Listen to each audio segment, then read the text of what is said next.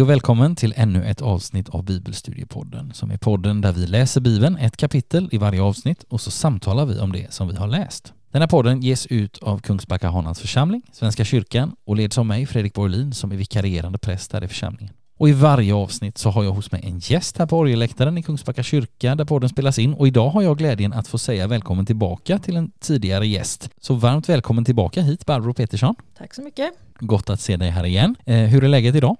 Det är bra tycker jag. Mm. Ja. Gott att höra. Vi kan, vi kan säga det bara för, liksom för tydlighetens skull att när det här, det här spelas in på palmsöndagen eh, men kommer ju sändas ett par veckor efter påsk. Det har varit, det har varit palmsöndag idag, eller är palmsöndag idag. Gott att höra att det är bra med dig. Jag tänkte jag vill, vilja höra med dig. Har du lust att dela något favorit, favoritbibelställe? Ja, jag har ju många som de flesta andra har också. Ja. Men en är Saltaren 51.12. Mm. Skapa i mig ett rent hjärta och ge mig på nytt en frimodig ande. Mm.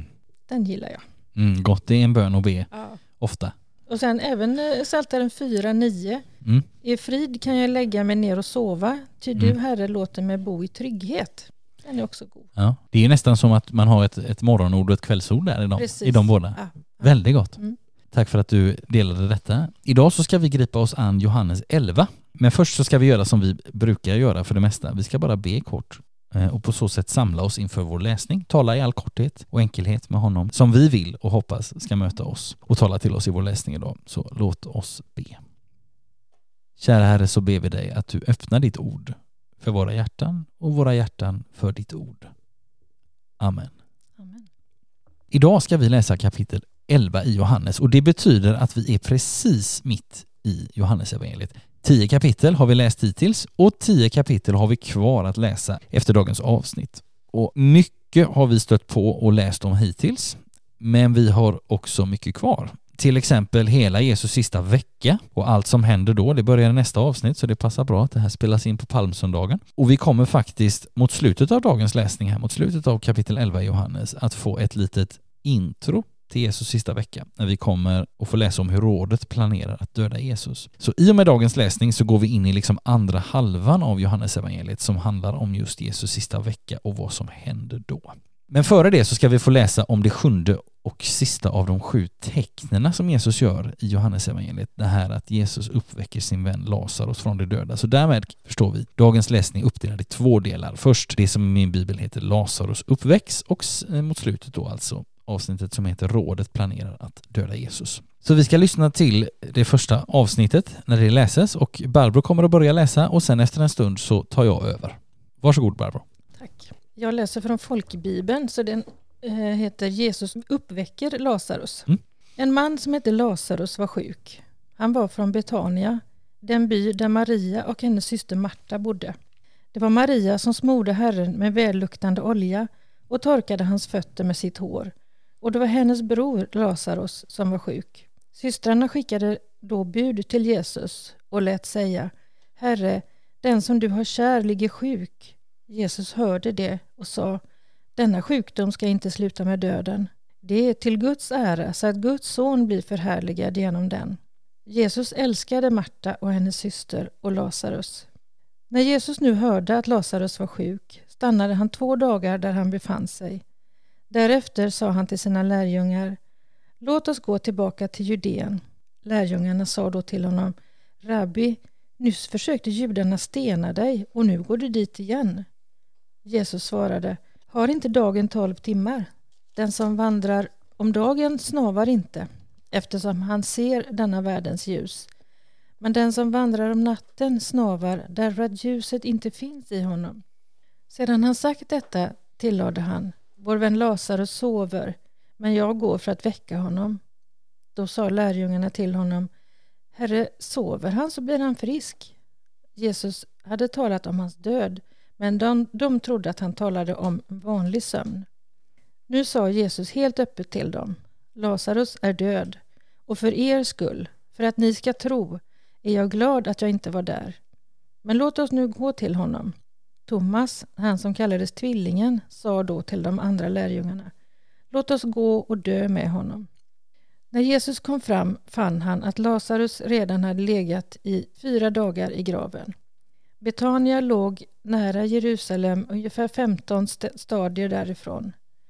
Många judar hade kommit ut till Marta och Maria för att trösta dem i sorgen över deras bror. När Marta fick höra att Jesus hade kommit dit gick hon ut och mötte honom. Men Maria stannade kvar hemma. Marta sa till Jesus Herre, om du hade varit här skulle min bror inte ha dött. Men också nu vet jag att Gud kommer att ge dig vad du än ber honom om. Jesus sa Din bror ska uppstå. Marta svarade Jag vet att han ska uppstå vid uppståndelsen på den yttersta dagen. Jesus sa Jag är uppståndelsen och livet. Den som tror på mig ska leva om han än dör och var och en som lever och tror på mig ska aldrig någonsin dö. Tror du detta? Hon svarade Ja, Herre, jag tror att du är Messias, Guds son, han som skulle komma till världen. Sedan gick hon hem och kallade på sin syster Maria och viskade Mästaren är här och kallar på dig. När Maria hörde det steg hon strax upp och gick för att möta honom. Men Jesus hade ännu inte kommit in i byn utan var kvar där Marta hade träffat honom. Judarna, som var hemma hos Maria för att trösta henne, såg att hon hastigt reste sig och gick ut och de följde efter i tron att hon gick till graven för att gråta där. När Maria nu kom dit där Jesus var och fick se honom kastade hon sig för hans fötter och sade Herre, om du hade varit här hade min bror inte dött. När Jesus såg hur hon grät och hur judarna som hade följt med henne också grät blev han upprörd och skakad i sitt innersta. Och han frågade Var har ni lagt honom? De sade Herre, kom och se. Jesus föll i gråt. Då sade judarna Se hur mycket han höll av honom. Men några av dem sade kunde inte han som öppnade ögonen på den blinde ha gjort så att Lazarus inte behövt dö? Jesus blev åter upprörd och gick till graven. Det var en klipphåla med en sten för öppningen. Jesus sade, ta bort stenen. Den dödes syster Marta sade då, Herre, han luktar redan. Det har ju gått fyra dagar. Jesus sade till henne, har jag inte sagt dig att om du tror så ska du få se Guds härlighet? De tog bort stenen och Jesus lyfte blicken mot himlen och sade, Fader, jag tackar dig för att du har hört mig. Själv visste jag att du alltid hör mig. Men jag säger detta med tanke på alla de som står här, för att de ska tro att du har sänt mig. Sedan ropade han med hög röst, Lazarus, kom ut. Och den döde kom ut med armar och ben inlindade i bindlar och med ansiktet täckt av en duk. Jesus sa åt dem, gör honom fri och låt honom gå. Ja, då har vi fått höra det första, det här ganska långa avsnittet här i Johannes 11. Så jag tänkte jag ville börja med att fråga dig, Barbro, vad, vad har du strukit under eller fastnat för eller sådär i, i det här avsnittet? Eh, ja, först så, så tänker jag på det här med, med Maria, att ja. det var hon som smorde Jesu fötter. Just det. Och det, att, att de berättar det i början, för det har ju inte hänt ännu. Nej, just det. Eh, sen undrar jag lite grann, för både i Matteus och Markus så står det en kvinna smörjer Jesu fötter. Mm. Men i Lukas så står det en eh, synderska, mm. en prostituerad. Mm. Och det, det, undrar jag lite grann över. Just det. Hur det kan vara så. Och då kan man tänka så här, för det, för det första så här, för jag noterade också det i min läsning det här, att Johannes berättar om att det var Maria som smorde Jesu fötter och så vidare. Men det har ju inte hänt än, som du påpekade. Och det, nej, det händer ju i, i nästa kapitel, i Johannes 12, så vi får, vi får uh, hålla oss till tåls några dagar uh, och innan, så att säga, innan vi får uh, lyssna till den berättelsen. Jag, jag tror att det har att göra med att så som jag läser detta så förstår jag det som att Johannes in, är, vill på något sätt, han inser själv att det som händer i den här vid det här tillfället är någonting mycket speciellt. Det är väldigt, alltså det är en väldigt laddad situation. Vi, vi vet ju från Lukas evangeliet att, att Jesus också uppväcker en, en enka son i Nain. Men på något sätt så är det här ändå en speciell berättelse. Alltså det är, vi, vi får höra mycket om hur, hur berörd Jesus är. Jag tror att det som Johannes gör här det är att han han vill stryka under hur nära relationen är. Mm, liksom han, mm. vad ska vi säga, förvarnar om att den här liksom familjen och Jesus kommer att ha med varandra att göra snart igen. Liksom. Mm, mm. Så jag tror att det är ett sätt för Johannes att liksom förklara att, att det, här är en, alltså det här är ett mycket speciellt sammanhang. Mm. Precis som han vi också kan läsa eh, också i de här verserna som vi har hört, att, att Jesus blir skakad i sitt innersta och han faller i gråt. Och, alltså, och det är ju också någonting nytt. Och jag tänker att det här är lite samma sak, att han förklarar liksom i, i förväg vad, vad som är, ja, han, alltså den här relationen helt enkelt. Mm, mm. Men, jag tänker Markus borde ju också veta att, att det var Maria, men han nämner inte hennes namn. Nej, och där tänker jag, för det är intressant, alltså här så får vi, här i Johannes så får vi höra om smörjandet innan, mm. eh, innan intåget till Jerusalem. Mm. Eh, hos Matteus och Markus, om jag är rätt underrättad, så är smörjandet efter intåget till Jerusalem. Och i Lukas, eh, som, som talar om att det är en synderska som eh, smörjer Jesus, så är det ju långt innan mm. texten. Det är ju kapitel 7, alltså det är första tredjedelen kan man säga. Mm.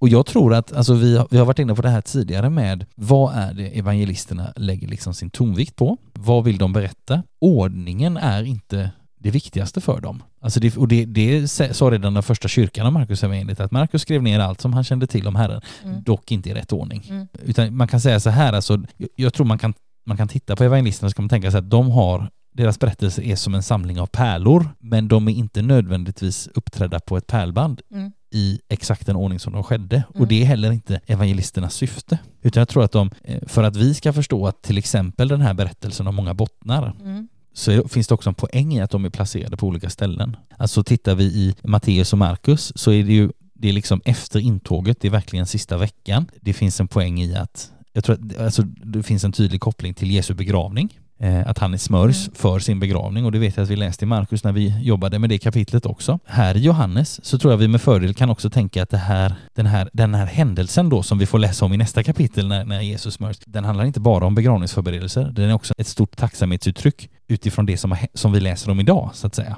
Och vad läser vi i Lukas 7? Precis, tror jag det är efter eh, som den här berättelsen, eller i alla fall en väldigt, väldigt lik berättelse berättas där. Jo, vi, berätt, vi får höra om kvinnorna som följde Jesus. Ett jätteviktigt tema i Lukas. Han lyfter fram kvinnor. Alltså, och där gör Lukas en poäng. Här, titta på alla de här helt okonventionella människorna. Mm. Totala motsatser till eh, fariseerna eller vad det nu kan vara de får också vara med. Alltså mm. det är en bärande tanke hos Lukas. Mm. Det är som en aspekt som man ofta lägger på saker och ting. Eh, så jag tänker att de här, det kunde man egentligen ha ett avsnitt om bara detta. Varför vad, är, vad vill de här olikheterna lära oss? Så att jag vet inte om det var ett hyfsat svar på din fråga. Det var i alla fall lite, det var i alla fall lite tankar och funderingar mm. kring det. Mm. Gott. Någon annan tanke om den här texten? Ja, precis som du sa, att man, man förstår att de var verkligen nära varandra. För mm. att eh, det står Herre, den som du har kär ligger sjuk. Mm. Och sen lite längre ner, Jesus älskade Marta och hennes syster och Lazarus. Mm. Jag tror det står vid fler tillfällen hur ja. mycket han tyckte om dem. Ja. Det är ju det är lite gott att läsa. Mm.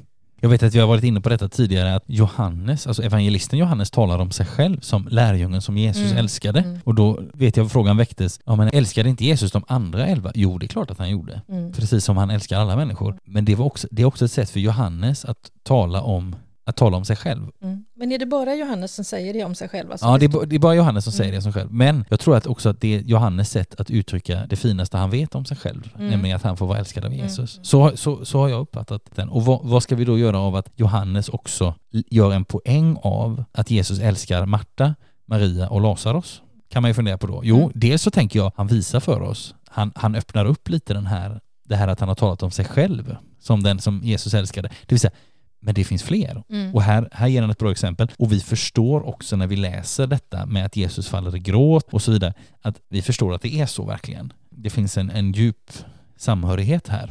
Men man kan också fundera på om det ligger någonting särskilt i de här personerna som gör att det blir extra viktigt för Johannes att poängtera att Jesus älskar just dem. Mm. Vi kan ju tänka på den här kopplingen du gjorde Barbro till Lukas, att det var en synderska.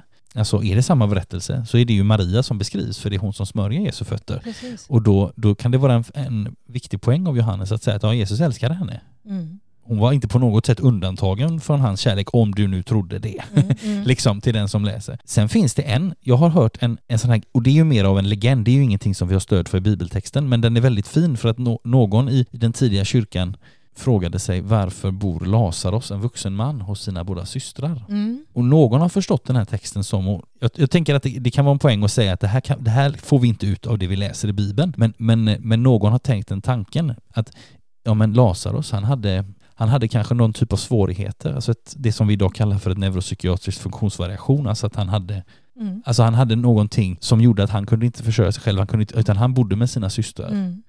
Det har jag inte och, tänkt på. Och också, och det, som sagt, återigen, det läser vi inte av texten, men vi, läs, vi kan inte läsa det utifrån det vi får här. Men, men vi, vi har den här lilla ledtråden, varför bor en, en vuxen mm. man och sina två systrar? Det, var mm. inte, det, var, det var nog inte speciellt vanligt. Och vi har också den här ledtråden, varför måste Johannes särskilt stryka under att Jesus älskar de här människorna? Jo, mm. för att det kanske inte var någon annan som gjorde det.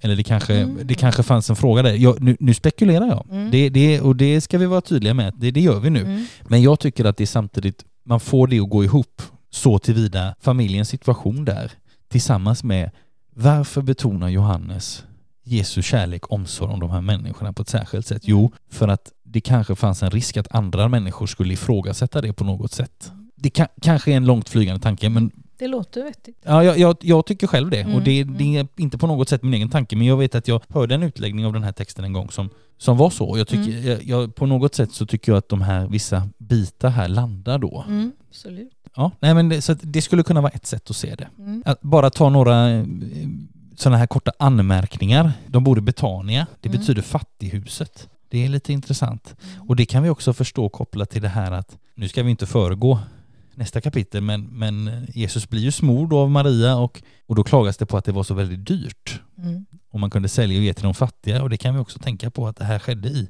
Betania, i fattighuset, mm. som det betyder. Och sen så får vi höra om Thomas som kallas tvillingen och det är också intressant, alltså Thomas på arameiska betyder ju tvillingen. Mm. Alltså det, det, och han är också känd som tvivlaren på ett annat ställe, mm. men det, det vill jag minnas att tror inte att det står om honom. Det står att han tvivlade men han kallades inte tvivlaren. Så det var, jag tror att i så fall skulle vi nog kunna kalla alla lärjungar de tolv första plus alla idag och alla Precis. förtvivlaren någon gång. För mm. Det ligger också i trons natur. Mm. Men så tänker jag på detta med, med det här med, som Jesus säger i vers 11, vår vän Lazarus sover.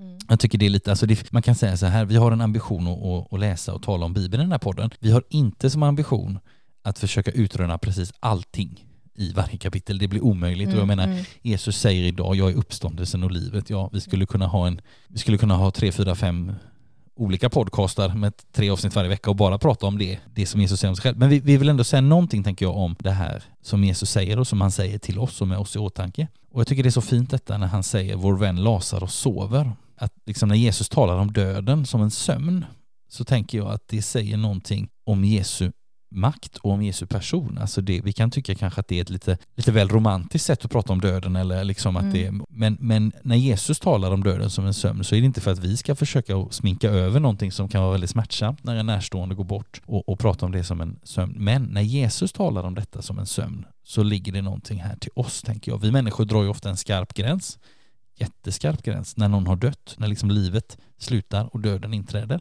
Mm. Det blir något väldigt skarpt och definitivt, en väldigt tydlig gräns. Men för Gud är ju inte den gränsen så skarp. Alltså han finns ju med före och han finns med efter och han finns till och med med liksom mitt på den gränsen. Så, så den är liksom inte skarp för honom. Mm. Och nu läser vi att Jesus säger om sin vän Lazarus att han sover.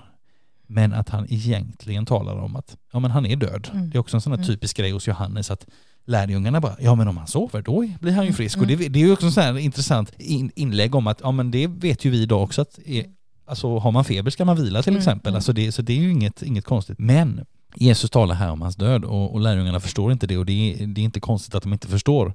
Och det är just det här, tänker jag, som visar någonting kring Guds makt. Att väcka en människa från de döda, någonting som för oss människor är omöjligt. Om vi då möjligen bortser från här hjärtstartare, men som i övrigt är omöjligt. Det är för Jesus inte svårare än att väcka någon som sover. Mm. Ja, det... Och inte en morgontrött tonåring där man får gå in med megafon utan mm. nej men liksom en, bara en, en enkel behaglig mm. väckning. Det, det, är inte svårare än så för Jesus. Alltså det, jag tycker det är en fin påminnelse. Mm.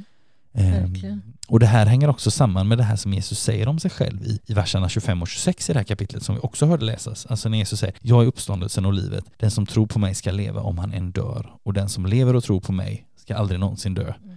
Alltså Jesus har inte bara makt över uppståndelsen och livet utan han är. Uppståndelsen och livet. Och han är det också för oss, för vår skull och liksom för oss att ta emot. Ja, det är gott att tänka på. Något annat som du tänker på kopplat till det här avsnittet, Barbro? Ja, alldeles för mycket tror jag. eh, vers 9 ja. förstår inte jag. Har inte dagen tolv timmar? Den som vandrar om dagen snavar inte eftersom han ser denna världens ljus och så vidare. Mm. Det förstår jag inte riktigt. Nej, just det, den är lite klurig. Mm. Lärjungarna säger till honom i vers 8, Rabbi, nyss försökte judarna stena dig och nu går du tillbaka dit. Och det handlar ju om någonting ytterst världsligt, tänker jag. Att du är i konflikt med några som är mm. farliga för dig. Ja. Och, och, liksom sådär. och sen så svarar då Jesus precis på det här sättet. Har inte dagen tolv timmar? Den som vandrar om dagen snavar inte eftersom han ser denna världens ljus. Och jag tänker att när jag läser det så, så tänker jag att här går, här går vi liksom från det, vad ska vi säga, den jordiska situationen eller någonting till, mm. till att Jesus talar om sig själv på, något, på ett djupare plan Dels det här att den som vandrar om dagen snavar inte eftersom han ser denna världens ljus. Och vem är denna världens ljus? Ja, det är ju Jesus själv. Ja, ja. Så jag tänker att att vandra om dagen och att vandra om natten handlar om mer. Jag ser det som ett, som ett sätt att tala om uppsåt och så vidare. Mm. Att Jesus återknyter till sig själv som världens ljus, det vill säga och det ljuset ska som Jesus säger på ett annat ställe inte sättas under en skeppa utan det ska lysa för alla mm. i huset, mm. det vill säga för alla av Israels hus. Mm. Men det är ett ganska krångligt svar. När, ja, absolut. Kommer, ja, det är det verkligen. kommer med en rak fråga. Ja. Ska vi verkligen gå dit igen? Mm. när det är farligt. Mm. Och så kommer han med ett sånt krångligt svar. Ja, ja det kan jag inte säga emot. det är ett krångligt svar. Det är definitivt inte. Och just det här har inte dagen 12 timmar. Ja, vad kan vi säga om det? Hur kan vi tänka om det? Har, inte, har dagen inte 12 timmar? Jag tänker att Jesus säger på ett annat ställe, min fader verkar ännu i denna stund när han har helat någon på sabbaten och därför mm. verkar även jag, det vill säga ett annat spår i Johannes är ju det här med att Jesus undkommer. Det, lät, tror jag vi, det vill jag minnas att vi läste, det var ju förra kapitlet när Liselott var här och vi, vi pratade om det här att, att Jesus Ja, det är allra sist i kapitel 10, eller nästan allra sist. De försökte återigen gripa Jesus, 10.39, men han kom undan, det vill säga hans stund var inte kommen. Det är också en sån här röd tråd i Johannes att, att Jesus pratar om att hans stund har kommit, eller inte har kommit. Mm. Några gånger först mm. står det att mm. Jesus stund inte har kommit och sen är det några gånger att stunden har kommit. Alltså det, det, det ligger ett gudomligt skeende i det här. Jag, jag tror att det är på något sätt det som Jesus vill visa med de här. Har dagen inte tolv timmar? Det vill säga min dag, alltså Jesu dag, alltså mm. hans verksamma tid, den har tolv timmar. Mm. Fadern har bestämt precis vilken tillfälle, vilken tid och, och plats som Jesu liv ska avslutas och det finns ingenting som varken fariseer eller eh, motståndare eller vänner eller lär, lärjungar med svärd eller någonting kan göra åt det. Mm. Utan dagen har tolv timmar, punkt slut. Eh, och hans dag har också 12 timmar, eller hans mm. verksamma tid. Mm. Det skulle kunna vara ett sätt mm. Eh, att, att se det här, men, men jag håller med dig. Nu sitter vi här med, med hela Bibeln och, mm. eh, och, och sådär. Det gjorde inte de lärjungarna som fick svaret från första början. Nej. Allt långt ifrån. Mm. Så att eh, det är inte helt lätt. Jag kan se framför mig hur de står och kliar sig i huvudet. Ja, jo, men, ja men precis. Och, och, precis dessförinnan har de ju, eller, eller ska vi säga precis efter så, så, säger ju Jesus också att han sover och då säger lärjungarna sover han så blir han frisk. Alltså mm. det, det, finns hela tiden den här, den här också under, underströmmen i Johannes med, med missförstånden liksom. Mm, mm. Jag, tror också, jag tänker också att det är just de här missförstånden, alltså vi kan tänka på Nikodemus som säger inte kan väl en människa bli, komma in i, i mm, moderlivet mm, igen i mm. kapitel 3. Så jag tänker att det kan också vara en en inbjudan till oss som läser att om vi någon gång skulle drista oss till att tycka att vi har dumma frågor mm. så tänker jag, det hade ju redan lärjungarna och de dumma frågorna, de kom med. Ja. Alltså de kom med i Bibeln. Alltså, mm. så att jag tänker att det, jag tycker vi kan ta det som en inbjudan att tänka så här, mm. ja, fast ingen fråga är för dum. Nej. Inte på något sätt. Nej. Mm. Sen är det lite intressant att, äh, Thomas då säger låt oss gå och dö med honom. Ja. Är det lite uppgivet då för att han vet ju att Jesus har ju sagt att han ska dö. Är det nu han ska dö då? Ja, det är intressant. Då går vi med. Eller har Jesus inte sagt det ännu? Jo, jo, jo, men det har han ju. Alltså man kan säga så här, vi, har Jesus inte sagt att han ska dö? Jo, det har han. Alltså i, han har till exempel i kapitel 10 så har han talat om sin död. Vi kan tänka på kap, eh, vers 17-18 i, i kapitel 10. Fadern älskar mig därför att jag ger mitt liv för att sedan få det tillbaka. Ingen har tagit det ifrån mig. Jag ger det av fri vilja. Jag har rätt att ge det och jag har rätt att få det tillbaka. Detta har min fader bestämt för mig. Alltså Jesus har talat om sitt lidande på något sätt, eh, även om det kanske inte, vi har inte mött något ställe här i Johannes där han är så tydlig som han är i Markus 8, 9 och 10 när han tre gånger talar om sitt lidande. Men, men jag, jag tänker att vers 16 som du lyfter upp nu, Barbro, mm. visar ju på att det finns någon form av tanke hos lärjungarna att okej, okay, det här kommer, det här mm. kommer sluta, mm. det här kommer inte sluta väl så att säga, eller jo, det det kommer ju sluta väldigt väl på, på påskdagens morgon, men, men du förstår vad jag menar. Mm. Och jag tänker också att vi, vi hör om lärjungarna vid den sista måltiden. Petrus säger att så om, om så alla de andra överger dig så, så går jag i döden för dig. Mm. Liksom. Alltså att det, det, det, var en sån tanke som fanns och det, det är ju mer sen, när, när det väl bränner till, som mm. det visar sig att lärjungarna inte är riktigt lika. Mm. Men så just att Thomas säger det, att han, han är ju inte en av de här tre närmast Jesus. Nej, Nej och det är, det är intressant. Nej, jag, jag kan nog bara säga att det är intressant och så har jag ingen mer tanke om det, men, men visst är det så. Visst är det så. Och jag tänker också det här, alltså någonting som jag bär med mig från, från, från den här läsningen, det är ju den här påminnelsen om, som vi har varit inne på innan också, att alltså Johannes är mer, alltså evangelisten Johannes är mer intim. Alltså vi får veta mer om Jesu inre. Och det här är ju verkligen det här avsnittet ett mm. så bra exempel på. Mm, mm.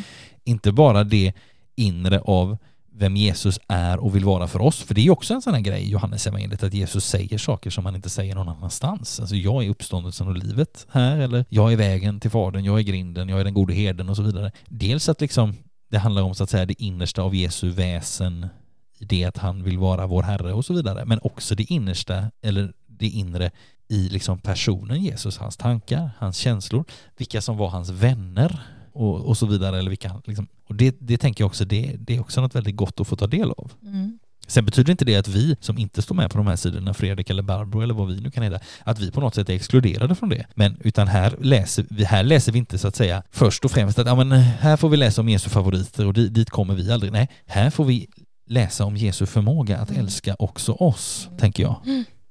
Mm. Så, så det är gott. Sen en sak till som jag yep. tänker på, att, som jag inte riktigt förstår. Han blev häftigt upprörd och han började gråta. Då tänker jag att det är ju fint att han, att han delar deras sorg. Mm. Men samtidigt, han vet ju att han ska väcka honom. Han vet ju mm. att det blir glädje. Ja. Så varför gråter han då? Jag, jag tänker att det handlar om medlidande. Jo, det tror jag med. Men som sagt var, kunde han inte trösta dem istället och säga, sagt att gråt inte, Nej. han kommer snart att Ja, jag förstår. Ja, ja, precis. Vi, vi tittar oss omkring i verserna här allra närmast och så ser vi om vi hittar en nyckel. Mm. För det står ju 33 där så står det att han blev häftigt upprörd. Står det, det. det stod inte så i din. Men... Det står så här i Bibel 2000 som jag läser. När Jesus såg hur hon grät och hur judarna som hade följt med henne också grät blev han upprörd och skakade i sitt innersta. Och han frågade var ni lagt honom. Det sa det, Herre kom och se. Jesus föll i gråt. Står det igen där. Mm. Ja just det. Var, varför säger inte Jesus bara men nu blir allt bra igen? Mm. Liksom. För jag, jag, tänker att jag, jag, jag, tänker att det handlar om verkligen om det här medlidandet. Mm. Att, att liksom, alltså det kan vi ju ibland se när vi tänker på hur Jesus helar människor. Mm. Att ibland läser vi om hur människor liksom, ja, alla kommer till honom och de bara nuddar vid någon hörn något hörn på hans kläder och man bär dit människor som bara liksom ska få nudda, alltså så här till liksom någon slags masshelanden på något sätt va. Men ändå så får vi många exempel på hur Jesus också väldigt in, alltså i vissa helanden, hur Jesus verkligen går in, han, vid något ställe så är det ju någon, någon som är blind och han liksom leder ut personen ur byn. Mm.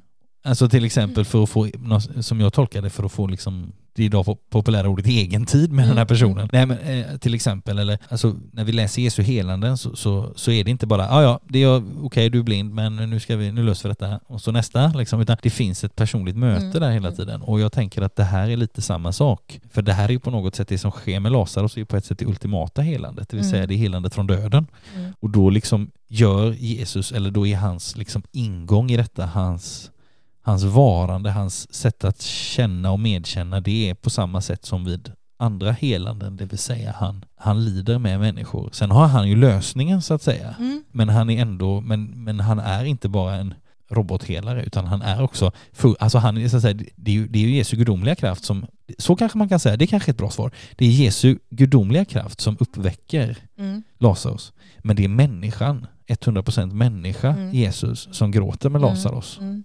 Ja. Eller gråter över Lazarus. Det kanske är ett sätt att se på det. Mm. Men, men visst, mycket bra fråga alltså. För det, det, man kan verkligen fundera på det. Alltså, mm. Här har du allting, all makt i din hand. Och jag tänker att nej, men det är det här. Jag tror att det är det här med Jesu två naturer som mm. vi ibland talar om. att det, det, det är den gudomlige som uppväcker och den, och det är den mänskliga som sörjer. Jätteskönt. Det är ja. jätteskönt att veta det. Mm. Att han lider med oss, att han, ja. att han känner empati. Ja. Det är ju jättehärligt.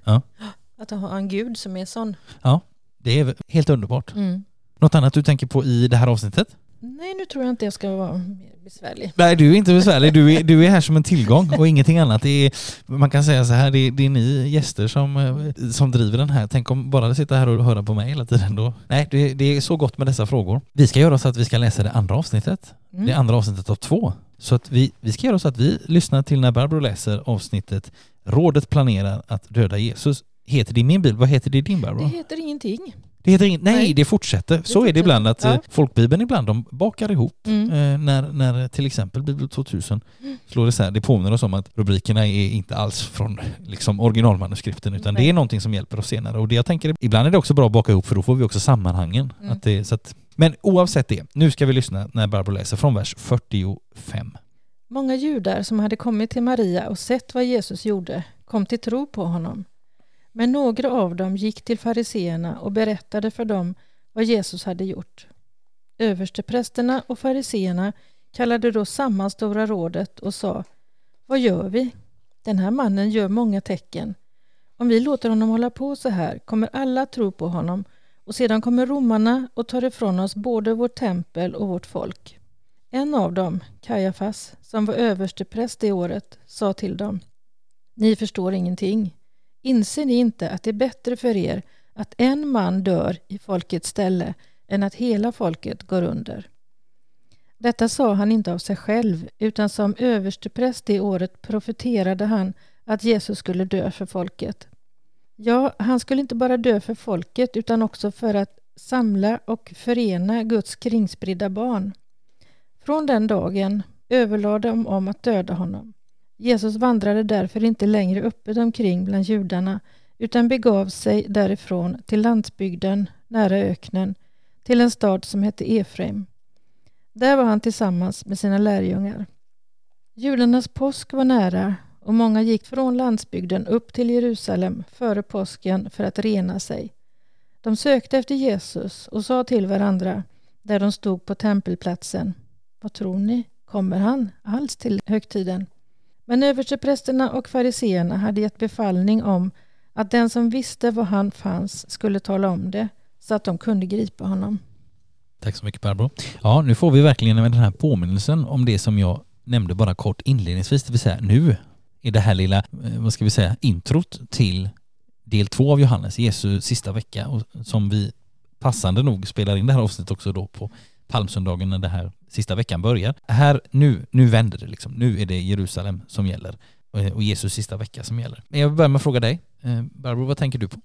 Ja, det jag har strukit under det är ju den här meningen, inser ni inte att det är bättre för er att en man dör för folket än mm. att hela folket går under? Just det.